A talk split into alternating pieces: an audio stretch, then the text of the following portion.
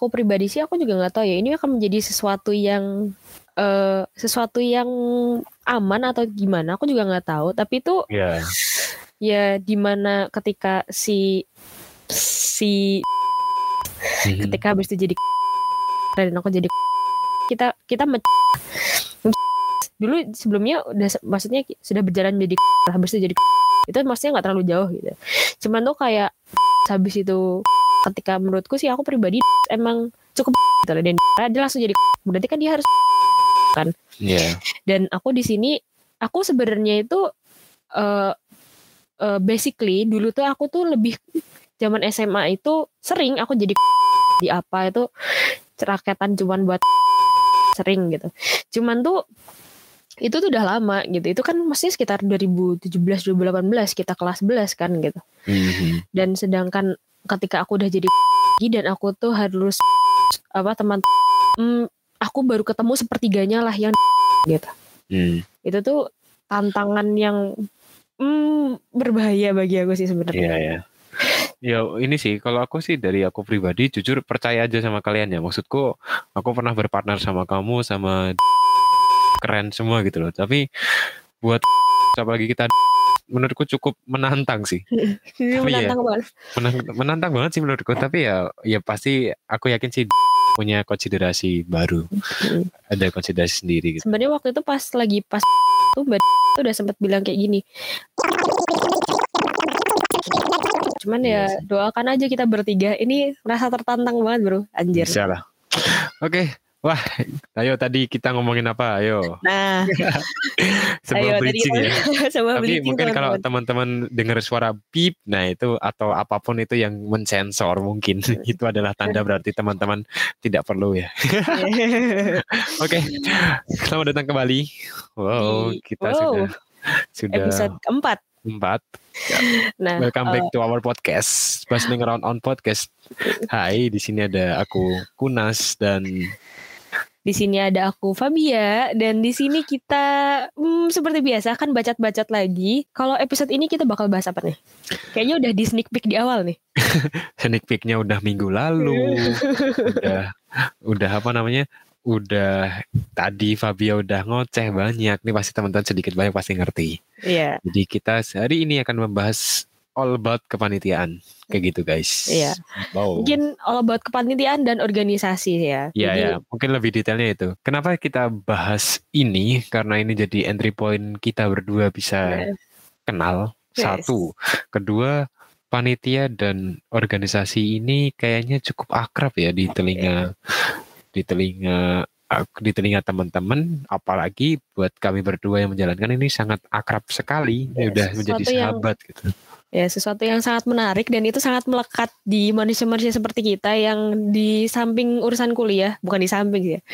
Ya enggak sih itu di sekeliling urusan kuliah itu tuh ada sebuah momok besar yang namanya organisasi dan kepanitiaan. momok sebuah tanggungan ya Ya, sebuah tanggungan. Itu eh, organisasi dan kepanitiaan itu itu seperti pisau bermata dua sih. Itu bisa membawa Betul. ke arah hal yang bagus, bisa membawa ke hal yang tidak. Eh, itu tergantung gimana sih. betul Dan mungkin buat awal-awal kita bakal bahas tentang hmm, mungkin aku tanya ke Kunas dulu deh. Kamu sebenarnya nih ikut apa aja? Selama ini sampai detik ini kita wawancara, kamu ikut apa aja? Coba aku tanya. oke lah aku batasi organisasi dan kepanitiaan aja ya Iya, oke. Oke, Em, satu organisasi eh, dari tingkat fakultas dulu. Jurusan. Ada, eh, iya, oh sorry, dari tingkat jurusan. Aku ikut HMGP teman-teman, himpunan mahasiswa geografi pembangunan. Ini adalah hima hima. Satu, organisasi kedua, fakultas aku nggak ikut, langsung ke univ, aku ikut BMKM teman-teman. Jadi sebenarnya secara organisasi aku cuman ikut itu aja. Dan masih jalan. Dari dari tahun lalu sampai sekarang upload ini masih jalan. Organisasi dan himpunannya masih jalan. Asik. terus oke itu tadi organisasi. Kedua adalah panitia. Oh banyak nih. panitia eh, di di level jurusan aku sebenarnya kalau di jurusan ini jatuhnya bukan ini ya bukan panitia ya tapi Hmm. proker gitu Iya program jadi kerja. kebetulan aku menjalankan proker dan prokernya cukup besar. uh, prokernya apa adalah ini aku nggak pengen spill sih kali ini kalau di tingkat fakultas aku pernah ikut Orgenas ini adalah uh, titik poinku ketemu sama Fabia Betul. terus kalau yang di Unif aku ikut uh, kalau yang di Unif sama kayak tadi Bi. Panitia enggak tapi sebenarnya jatuhnya ke proker sih. Yeah. itu ada gigs from home. Terus ada festival Gajah Mada. Ini dia panitia sih ini. Yeah. gede banget sih ini Iya betul. Mada, terus ada juga sempat kemarin sempat ikut bantu Gamal Talks kayak gitu. Hmm, Jadi asli. sifatnya proker kayak gitu. Nah kalau dari Fabia udah ikut apa aja nih, Be? aku yang malu ya? sendiri. Iya. Ini aku banyak nih sebenarnya uh, mungkin ya. disclaimer dulu ya teman-teman. Ini uh, aku semua melakukan ini itu karena aku merasa cukup bisa mentekel, tapi sekalipun ya semester 3 ini sudah mulai tidak bisa mentekel. Jadi um, aku sebutin aja dulu ya. Jadi uh, aku aku di jurusan aku ikut himpunan himpunan jurusan geografi lingkungan EXA. EXA. Aku di sana jadi media dan kebetulan aku pegang desain sama video desain hmm. sih lebih ke desain hmm. soalnya ada dua ada publikasi sama desain aku lebih ke desain habis itu untuk tingkat tingkat fakultas hmm. uh, aku ikut bem fakultas geografi Aku dari Kementerian Media juga. media aku, for life. Media for life ya. itu itu dedenya tuh, dedenya tuh. Nah, habis itu um, untuk tingkat univ ini aku baru jalan beberapa bulan. Aku di BKMWA mm-hmm. BKMWA UM yaitu unsur mahasiswa. Mm-hmm. Dan aku ada di Medinfo. ini ya. Gila, aku gila. Di Medin, aku di Medinfo, uh, aku di desain, tapi sebenarnya aku juga bantu-bantu di videografi. Dua-duanya ya. Aku ikut hmm. dua-duanya. Itu buat organisasi. Organisasi. Semoga Satu. aku nggak ya. Organisasi ya. aku udah tiga ya itu. Tiga. Dan itu di DDD semua. Iya, itu aku di media semua teman-teman. nah, semua. buat kepanitiaan. Uh, bahas yang mana? Oke, okay. kepanitiaan untuk jurusan aku kebetulan uh, ikut osjur, uh, jadi panitia osjur. Tentu saja aku menjadi DDD lagi. Mm-hmm. Habis itu untuk di tingkat fakultas, aku kemarin baru aja ikut PPSM Geospace. Mungkin kalau misalkan podcast ini nyasar ke anak-anak uh, anak-anak Geo 21, kalau kalian lihat mbak-mbak yang isinya nge-SSS nge-SS screen doang itu aku. itu um, Aku Jangan dikira mas-mas ya, gitu mbak. Yang mbak dikira mas-mas, aku udah sering banget dipanggil mas-mas. itu aku DDD juga, DMD namanya. Terus di Olgenas aku DDD juga. tingkat fakultas teman-teman itu Olimpiade Geografi mungkin ya kalian pernah melihat aku mungkin kalau enggak ya udah nggak apa-apa itu aku jadi subkoor dokumentasi mm-hmm. dan untuk tingkat universitas ini kalau misalkan pot, uh, podcast ini rilis, ini berarti lagi sesi wawancara logikanya. Iya, yeah, yeah. Ini lagi sesi wawancara dan aku kebetulan uh, sub koor dokumentasi buat Porsenigama 2021. Tuh, gimana teman-teman? Gila kan? tuh berapa? Gila. Dunianya, dunianya Fabia tuh kayak gitu. Cuman oh, beda namanya aja. Oh, sama aku kurang satu. Aku sebenarnya ikut juga ikut Exafair kan? itu acaranya Exa. jadi ngadain lomba-lomba gitu. Aku masuk ke subdivisi desain. kan. Nangis gak tuh? Nangis coy. Nangis. Nah tapi kalau seputar divisinya apa, kita kupas tipis aja karena yang lebih tebel minggu depan deh kayaknya. Iya minggu depan. Ya moga-moga lah ini sebuah sneak peek ya. Tapi Iya, iya kan? Iya bener. Tapi kalau yang hari ini kita cukup membahas gimana sih of uh, secara umum kepanitiaan atau organisasi kayak gitu. Nah, Nih, karena gantian aku tanya lagi nih, Bi. Kenapa kamu dulu ikut kepanitiaan, Bi? Atau organisasi kenapa? Um, mungkin kalau misalkan aku, aku basically itu emang suka berkegiatan ya. Aku dari SMA suka berkegiatan. Kayaknya dulu udah pernah aku bahas di podcast-podcast sebelumnya bahwa aku emang suka berkegiatan dan aku senang ketika bertemu dengan orang baru. Ya itu bukan sekedar bacotan bacotan basa yang basi. basa basi ketika wawancara ya bukan. Tapi aku emang senang ketika ketemu orang baru belajar habis itu yeah. dapat info dapat relasi habis itu mungkin dapat job-job aku kayak beberapa beberapa kali suka dapat job gitu buat bantu-bantu dan dapat cuan itu itu membantu banget itu sebenarnya mungkin uh, itu emang sih maksudnya ketika di kuliah relasi relasi bla bla bla itu uh, bener nggak bener sih tapi aku lebih Bener. mengamini bahwa aku mengambil relasi banyak dari situ Iya. nah kalau kamu kenapa nih Oke, Gabut. gantian ya. Kalau aku pertama balas dendam, guys. Iya. Jadi aku di oh ada benernya aku juga di di kampus sebelumnya aku emang sengaja pasif. Jadi itu bukan sebuah ketidaksengajaan, tapi itu ada sebuah kesengajaan untuk pasif. Nah itu jadinya waktu aku udah masuk UGM, aku tahu di sini wadahnya banyak, aku tahu di sini semuanya terwadahi dan menur- menurutku itu keren, kayak yang udah kita bahas minggu lalu di topik apa mahasiswa biasa di kampus biasa. Iya Wow. Wus. kalau kalian belum dengerin dengerin loh, awas kalau belum. Ya. Nah, terus yang pertimbangan lain, aku kurang lebih sama kayak Fabia ya. Eh, pertama emang duniaku adalah dunia kepanitiaan dan event. Eh, sorry, event dan organisasi. Jadi kepanitiaan dan keanggotaan organisasi kayak gitu. Tapi yang jelas, aku orientasinya relasi sih. Maksudku kalau Iya bener. dari sisi capek, capek banget. Oh iya. Di sisi, di sisi Banyak capek, loh. capek banget, banyak banget gitu. Kalau di sisi pusing, pusing banget gitu. Apalagi tanggungan praktikum di geografi pun nggak gampang. Apalagi Iya, yang kayak prodinya Fabia itu cukup wow. Tapi buat aku eh itu tadi apa namanya? Ya relasi sih. Iya. Pada akhirnya relasi. kalau dari agak aku relasi sih. Ya aku sudah mulai menuai apa ya? Menuai buah. Apa Oh iya bahasanya? betul. Menuai ini. menuai apa yang Apa kita yang aku tanam tanam. ya. Iya benar. aku udah menuai itu. Salah satu contohnya apa? Ya podcast ini. nah, iya benar banget. Kalau aku nggak ikut Olgenas, Fabia nggak ikut Olgenas, Iya. satu. Kalau aku nggak humas dan Fabia nggak dididik, nggak dididik, nggak jalan ini podcast. Iya, iya Ya, nggak bener. nggak bakal ada teman-teman. Eh, Ini nggak bakal podcast itu ada. cuma gara-gara iseng-isengnya kita berdua aja, karena kita Bener. kenal dan seperti udah dibahas di. saling mendukung gitu. Iya, makanya habis itu kita akhirnya berproject bareng gitu dan Iya, ini kan sejauh ini kan ini project mungkin masih project iseng-isengnya kita ya. Mungkin kita nggak tahu apakah mungkin podcast ini masih berjalan habis itu kita eh, menduitkan ibaratnya kasarnya Iya, menduitkan iya, iya, dari iya. podcast ini kan kita juga nggak tahu. oh iya. Nah, Nih, aku mau nanya nih. ini. Aku Apa? nanya nih. Oke, oke boleh. Eh, Kenapa? Nah. Bi? tadi ada kepanitiaan nih. Ada kepanitiaan, ada organisasi. Sebenarnya kalau Hmm. kamu pribadi lebih milih mana? Honestly, panitia. oh, bener. Sama teman-teman.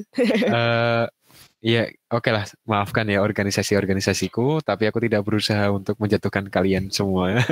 Jujur, panitia karena pertama sistem kerjanya apa ya bisa dibilang kayak paruh waktu gitu loh jadinya Ah, iya ada benar. rentang waktu terbatas memang sangat dipres terutama menuju hari H yang wak- waktu hamin-hamin dikit itu sangat dipres Hmm. tapi ya cuman waktu itu aja sebelum itu dan sesudah itu slow pertama kedua sama-sama dapat relasi sama-sama kenal orang banyak Betul. tapi digaji iya, betul loh. Itu Bener, bener banget. digaji. Terus jujur ini sih eh apa ya? Ini ju- pengakuanku jujur juga. Ini aku sudah cukup lelah sebetulnya dengan pola kerja organisasi kayak gitu. Hmm. Di mana kita megang broker, tapi kita juga harus sportif dengan eh apa namanya? Eh, eh, broker lain kayak gitu. Iya benar. Kayak ya kamu dalam satu periode ya harus berjalan terus begini-begini Per- selesai broker satu lanjut ke broker selanjutnya dan dan satu kita itu nggak mesti ringan. Betul banget. Kita harus saling bantu gitu. Benar banget. Kalau kamu gimana, Bi? Pilih panitia atau organisasi?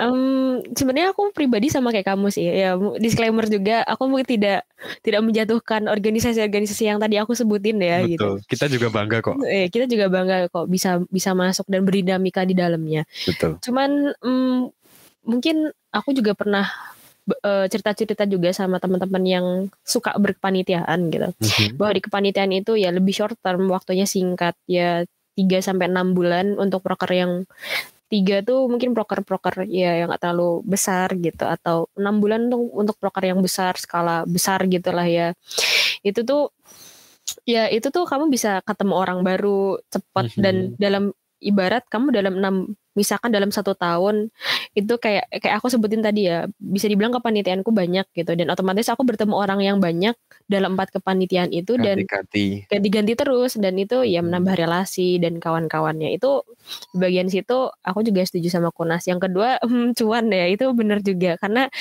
eh, apa ya di kepanitiaan itu kan ibarat kita tuh bekerja bekerja dan bersukarela ya. Sekalipun nggak mesti semua kepanitiaan itu digaji tapi most of itu minimal ada timbal timbal balik dalam dalam bentuk uang sebenarnya. Ya mungkin gajinya maksudnya emang nggak seberapa sih tapi itu ada bentuknya ada ada wujudnya gitu.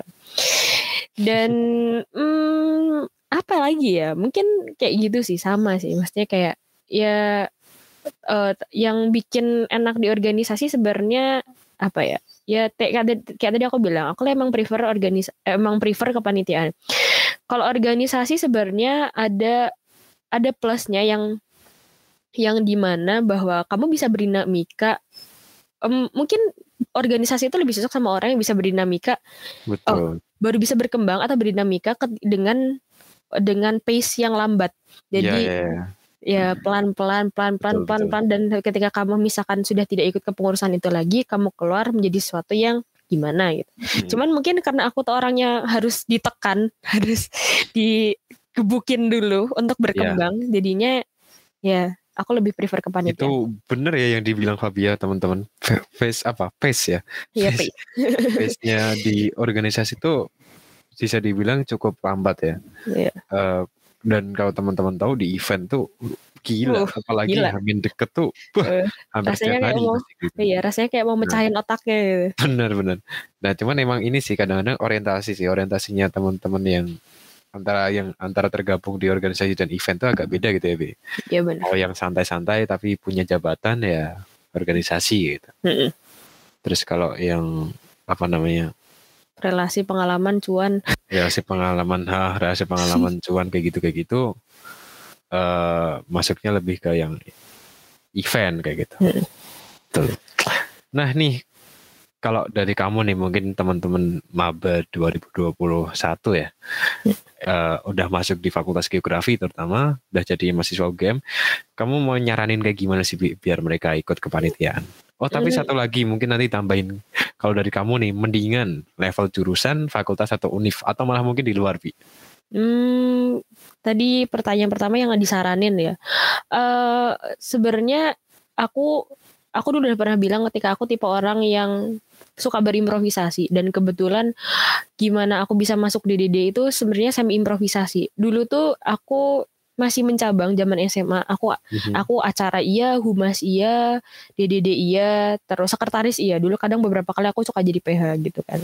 Mhm. Cuman habis itu ketika aku masuk SM, eh, masuk kuliah dan habis itu aku terjun di dunia DDD dan soon-soonnya, itu tuh em, sebuah ya kayak yang dibilang sebelumnya itu sebuah entry point dan itu tuh em, orang-orang mungkin melihat aku tidak nyaman gitu ya. Kayak gila kayak tadi ya kalian denger kan kepanitiaan sama organisasi semuanya tuh aku di media gitu. Eh, itu tuh membuat aku berkembang dan itu membuat aku nyaman dan aku dan sekarang aku sudah bisa mulai eh, menuai menuai hasilnya ketika ya bisa diduitin gitu.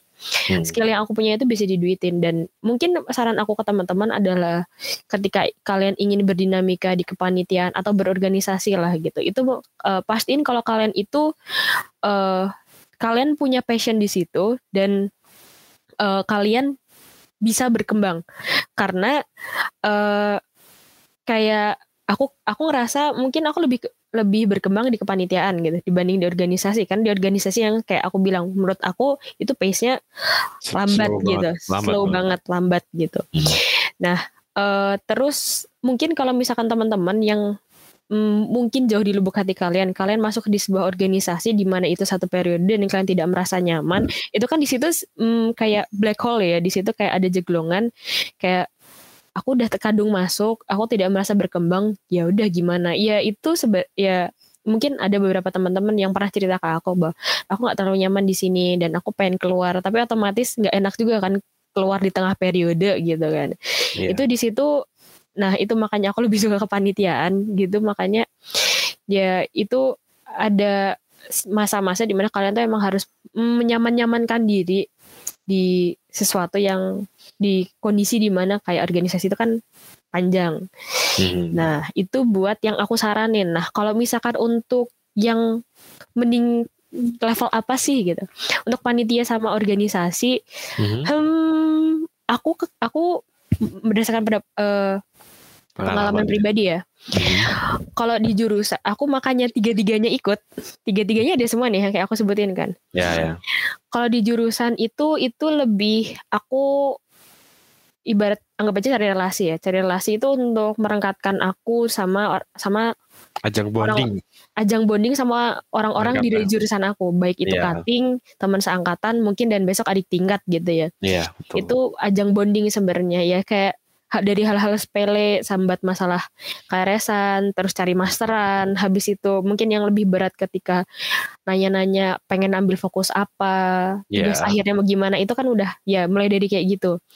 Nah kalau fakultas ini lebih kayak untuk komparasi, kebetulan kan di, di, di geografi itu jurusannya ada tiga, itu buat komparasi, buat sharing pengalaman dan kalian itu kayak aku sama Kunas kita sa- satu fakultas beda jurusan kita tuh Benar. punya sesuatu yang relate sekali punya relate tapi berbeda tapi masih merasakan hal yang sama. Jadi antara bersaing dan merasa bondingnya tuh kenceng.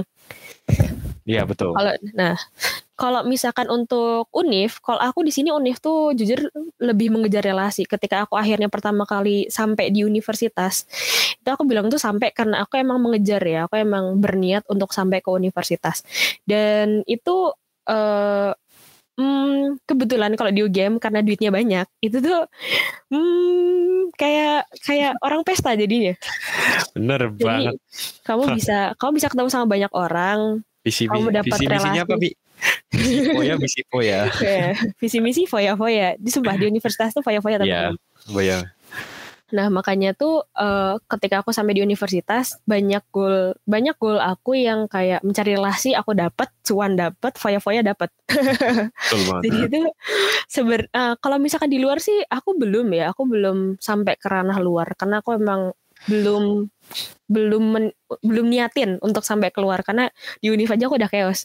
Jadi mungkin kalau teman-teman yang udah misalkan jadi mentor apa atau apa gitu aku suka lihat gitu. Ya, yang skalanya nasional dan itu otomatis di luar itu mungkin ada ada tantangan terbaru sendiri. Cuman kalau dari aku pribadi sih ya itu kayak tiga tadi dan itu mungkin bisa jadi referensi teman-teman kira-kira kalian daftar di tingkat apa tuh goalnya apa kayak gitu. Iya, betul. nah kalau dari kamu sendiri gimana nih? Kalau dari aku ya, aku mungkin gak banyak sih. Ini soalnya tadi udah disampaikan Fabia juga tuh. Nanti takutnya juga kalau kelamaan ya kan. Hmm. Tapi eh, jujur aku juga sepakat sama Fabia kayak gitu. Dan intinya kalau dari aku ya, jangan yang toksik teman-teman. Hmm, betul Bagaimana teman-teman bisa mengindikasikan itu toksik apa enggak? Sebetulnya aku nggak tahu rumusnya, tapi pertama gini, katakanlah misalnya ada bidding ketua atau bidding menteri. Nah, itu Hmm. teman-teman bisa lihat kira-kira siapa yang jadi. Teman-teman betul bisa, benar teman-teman bisa tanya-tanya atau lacak track recordnya siapa yang jadi itu. Katakanlah teman-teman ternyata nggak serak, oh katakanlah nih jadi ketuanya Kunas nih. Oh ternyata Mm. Kunas nih baik hati. Wah, ya kan agak glorifikasi ya. Tapi mis- Iya. misalnya kayak gitu, nanti teman-teman mau ikut monggo kayak gitu. Tapi kalau misalnya Iya. enggak, ya udah itu adalah hak prerogatif teman-teman untuk tidak ikut atau menolak gitu. betul Pak. Itu satu. Nah, cuman kalau dari aku ya mungkin langsung lompat ke pertanyaan yang mending panitia di level apa kayak gitu. Jujur aku eh, nggak pernah mengotak-ngotakkan. Yang penting sesuai dengan keinginan teman-teman dan passion teman-teman. Hmm, betul Karena apa? Soalnya aku pun juga sama kayak Fabia, aku merasakan di tiga tiga level di mana aku di eh, apa namanya? Aku di jurusan aku punya kepentingan, aku di fakultas aku punya kepentingan, aku di univ aku juga punya kepentingan yang berbeda-beda dan kebetulan alhamdulillah dapat semua kayak gitu. betul Jadi itu ada adalah eh, pilihan teman-teman. Ketika teman-teman mungkin oh aku nggak ada kepentingan kok, aku cuman pengen ya maksudnya pasti ada kepentingan. Cuman maksudku nggak sekomplikated aku sama Fabia gitu loh. Hmm. Nah katakanlah eh, ternyata kita cuman butuh untuk berkegiatan itu aja. Nah nanti itu monggo teman-teman bisa cari yang waktunya slow kayak gitu kayak gitu. Hmm. Tapi yang jelas sesuai dengan eh, apa ya keinginan teman-teman. Di satu sisi kadang-kadang aku juga ikut panitia juga tergantung aku passionnya di mana sih, Bi. iya sih. Kayak misal aku kemarin ada di dunia kehumasan gitu kayak teman-teman tahu aku daftar jurusan ya udah aku humas karena aku passionnya humas bahkan tadi Iya, teman-teman udah dengar kan Fabia ikut apa aja Fabia ikut di semua tuh sebenarnya permediaan per DDD-an per DMD-an Hmm. per medinfoan apa pun Hmm. itu bahasanya tapi itu seputar editing desain desain dekor dekor Iya, mungkin iya. enggak ya Bia tapi iya aku desain desain dan dokumentasi Video. kayak gitu kayak gitu iya Nah itu. Nah mungkin sedikit lanjut ya kayak apa sih kayak plus minusnya eh, kita join kepanitiaan terus Hmm. seberapa impactful kepanitiaan bagi diri aku sama pribadi sama aku sama Fabia tentunya. Terus yang terakhir kayak kepanitiaan ini sebenarnya ganggu gak sih sama dunia kayak gitu. Ah, Plusnya iya udah disampaikan semua tadi sih sebenarnya. iya, iya. plusnya udah disampaikan ya Plusnya udah disampaikan. Mungkin kalau dari minusnya ya. Pertama kita harus bisa berkompromi sama orang lain. betul itu menurutku itu hal yang paling penting soalnya kalau teman-teman masih dalam apa ya teman-teman nyaman dengan dunia teman-teman yang mana mungkin teman-teman tidak suka diinterupsi kayak gitu ikut kepanitiaan atau organisasi agak sedikit melelahkan buat teman-teman iya benar kedua apa sih bahasanya eh, apa sih kalau kepribadian tuh apa Pi? Em, Hmm. yang itu loh apa sih introvert extrovertan kayak gitu Ah itu itu tuh Eh. extrovert sama introvert. Ya mungkin proporsi teman-teman introvert sama extrovert tuh pasti punya semua walaupun beda-beda ya. Nah Hmm. ketika teman-teman mungkin introvert itu nanti mungkin teman-teman bisa milih divisi-divisi yang tidak banyak kontak dengan orang tapi pekerjaannya bisa dikerjakan di belakang misal. Contohnya apa ya? Contohnya justru di divisi gue tau Oh sih. Aku juga dari dulu menilai DDD itu kayak gitu sih. Iya, Walaupun sih. kebetulan DDD yang tak temu itu orangnya asik semua, tapi eh, image ke teman-teman DDD itu agak apa ya namanya? Isinya kayak teman-teman yang skillnya tuh keren, tapi Hmm. secara personal emang dia diam banyak gitu hal yang ah, banyak hal yang ditutup kayak Iya. gitu. Beda sama aku, aku cukup ekstrovert, makanya terus aku beradain ikut humas, publikasi, partnership kayak gitu kayak gitu. betul iya iya sih Dari kamu Betul. gimana? Tadi minusnya ya kita Nah, ngomong minusnya masalah aja. minus Plusnya teman-teman pasti udah ngerti Udah, sih. Sudah. Nah, kalau minusnya yang kayak tadi Kunas bilang bahwa kita tuh emang harus berkompromi ya, karena kayak mungkin hmm, ketika kita bertemu dengan orang yang kayak aku ya, aku di divisi media, anggap aja lah garis besar media. Ketika kita tuh di sini tuh emang image-nya tuh sneak peek aja. Jadi ya image-nya media tahu sendiri lah. Orang-orangnya pendiam terima kerja habis itu habis itu dia dapat order kita kerjain kasihin gitu. Ya maksudnya kayak gitu. Itu tuh eh, dari kitanya tuh emang harus misalkan dari si klien A gitu. Ini orang tuh ya kalau minta bla tuh gini gitu. Ini dari klien B oh gini gini nih itu ketika kalian berorganisasi kepanitiaan itu itu tuh gerus di situnya tuh. Makanya tuh ya kadang aku terutama sih anak-anak kepanitiaan yang sering kepanitiaan gitu. Itu anak itu readnya tuh suka dimatiin. Aku ya, aku udah. iya itu. Aku Kamu tuh juga gak sih? ya aku juga dimatiin. Itu tuh karena apa ya? Karena sebuah ketika penenang. sebuah untuk penenang dan ketika kalian bertemu dengan banyak orang itu kan kalian tuh ibarat bergesekan ya. Maksudnya Iya, kelas dengan gini gini gini dan itu tuh kadang itu menggerus en- energi kalian energi apa kalian yang itu juga kalau misalkan kalian itu tidak ter- tidak siap banget mending kalian pilih-pilih lagi deh maksudnya kalian ya karena di media tuh cukup melelahkan gitu bertemu dengan Iya, banyak betul. orang dan isinya tuh berantem. Ini nggak tahu ya besok aku sama Kunas besok bakal berantem apa enggak. Tapi semoga enggak biar podcastnya tetap lancar. Tapi kalau teman-teman udah nggak denger atau mungkin kita Tiba-tiba bahasanya eh, tiba-tiba kayak gitu atau mungkin kayak ada bahasa basi kita break season gitu ya mungkin bisa dipertanyakan ya ada apa di antara kelasnya. Aku juga mengkhawatirkan sih Bi. Iya, Ya, mengkhawatirkan. ya udahlah. Ya apa yang ada aja. Terus eh ya minusnya itu ya, maksudnya ya iya dan mungkin kalau aku lebih sekarang nggak impact ya. Kalau impact yang kayak aku tadi sebutin ya, impactnya tadi ya udah ya relasi terus eh, cuan dan kawan-kawan ya. Mungkin aku lebih ke akademik ya. Maksudnya kayak mengganggu akademik atau enggak karena ketika kebetulan divisiku itu bersinggungan dengan tentang cara pengelolaan waktu, gimana aku manajemen waktunya itu tuh kerasa banget kayak dulu tuh ini yang cukup ini cukup membuka aib nih. Sewaktu pas semester 2 itu ada kondisi di mana aku lagi kelas itu sambil ngedesain, lagi kelas sambil bikin apa gitu. Itu tuh kan maksudnya itu salah kan secara ya, maksudnya secara, secara skala ya? prioritas bahwa aku harusnya menomor satukan akademik, akademik dibanding gitu kepanitiaan organisasi. Di situ aku mengakui salah dan makanya beberapa nilaiku cukup nah, tapi uh, sebenarnya apakah mengganggu atau enggak itu di sisi lain kalau misalkan nggak bisa nge-manage-nya ya itu bakal ganggu. Kayak ada beberapa ya nilainya kurang memuaskan tapi itu bisa bisa membantu juga ketika itu tuh kayak coping stress mechanism kamu hmm. jadi karena karena ketika aku sudah diserang dengan banyak stres bla bla bla dan ketika aku berhadapan dengan akademik aku sebenarnya tidak sepanik itu. Itu tuh sebuah trik yang nggak tahu. Ini tuh kayak kayak orang-orang tuh makanya kamu nggak stres kuliah kah bi kamu nggak kamu kan DDD kamu kuliah laprak yeah. sekian. Mm-hmm. aku stres bro. Rasanya kayak mau meninggal. Yeah. tapi tuh ya udah. Itu kayak apa ya karena kamu udah sering dapat tekanan itu tuh ya, kamu udah. jadi jadi udah, udah terbiasa biasa. ya udah, udah biasa. biasa tapi mungkin ada beberapa teman-teman juga yang memang tidak kuat dengan tekanan terlalu banyak dan habis itu itu akan berefek dengan kesehatan mental kalian ya itu Benar. balik lagi sama teman-teman hmm. teman-teman sekian ya. nah kalau kamu ini akademiknya aku kepo nih sebenarnya akademiknya Kunas kayak gimana nih? Kalau nilai bagus karena online.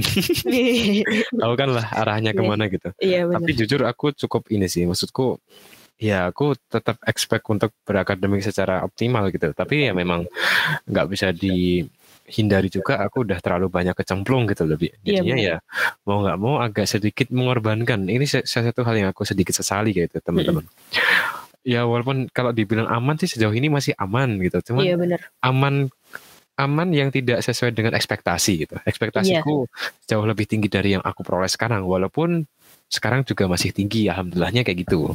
Iya. tuh jadinya kalau ditanya seberapa apa mengganggu nggak? Jujur iya.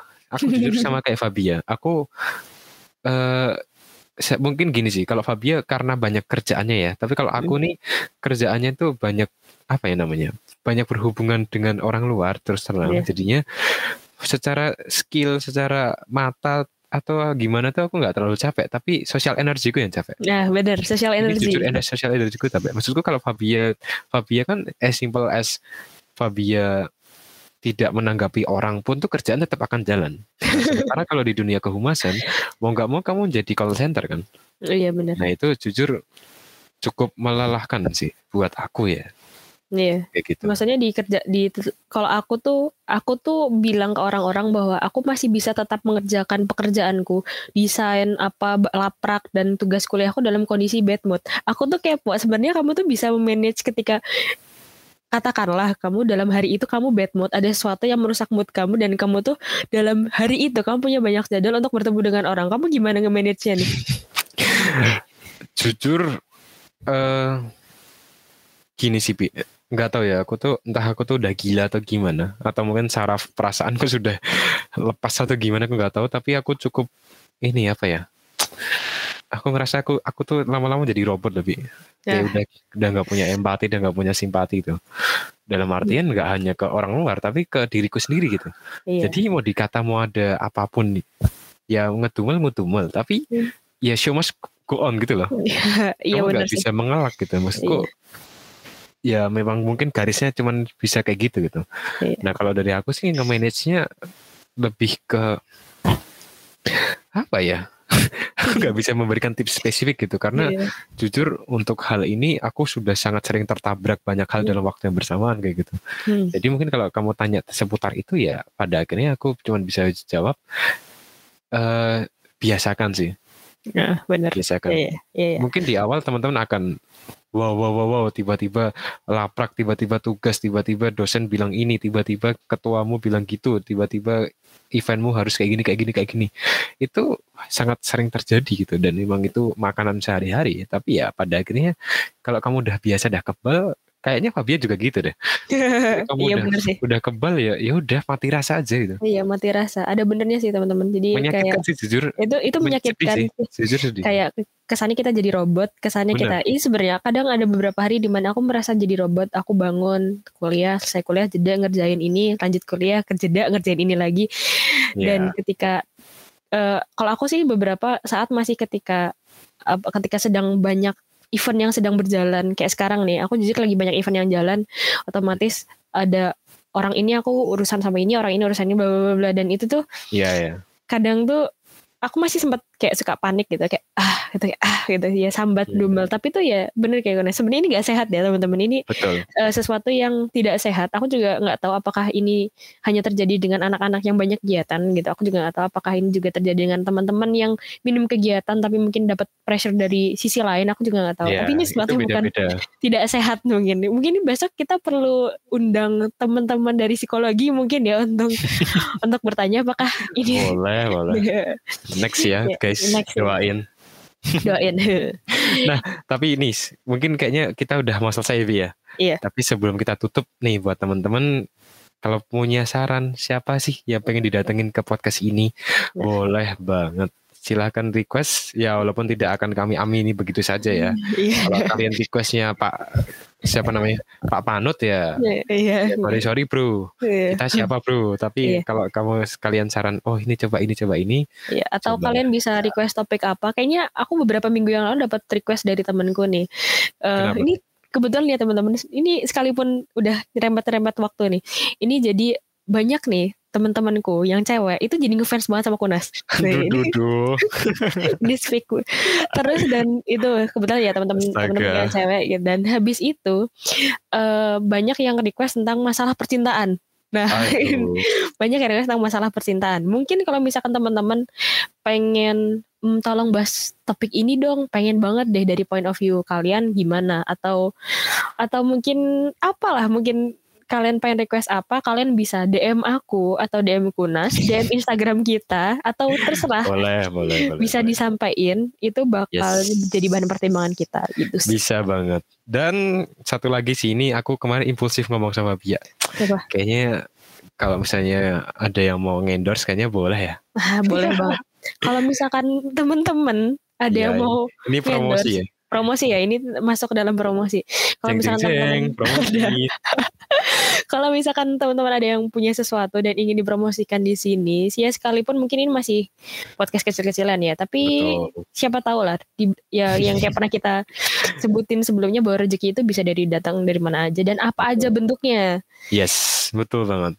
Dan ya mungkin ini adalah waktunya buat teman-teman promosikan melalui podcast kayak gitu. Iya, iya. Apa pun ya teman-teman, teman-teman Iya, punya punya usaha makanan minuman atau jasa atau teman-teman punya eh, atau mungkin event teman-teman juga boleh. nah itu Misalnya nih kayak Fabia ada event apa atau aku Iya. ada event apa atau apa pun event teman-teman bisa banget ya, oke? oke Buat- gitu. Bisa disampaikan ke kita.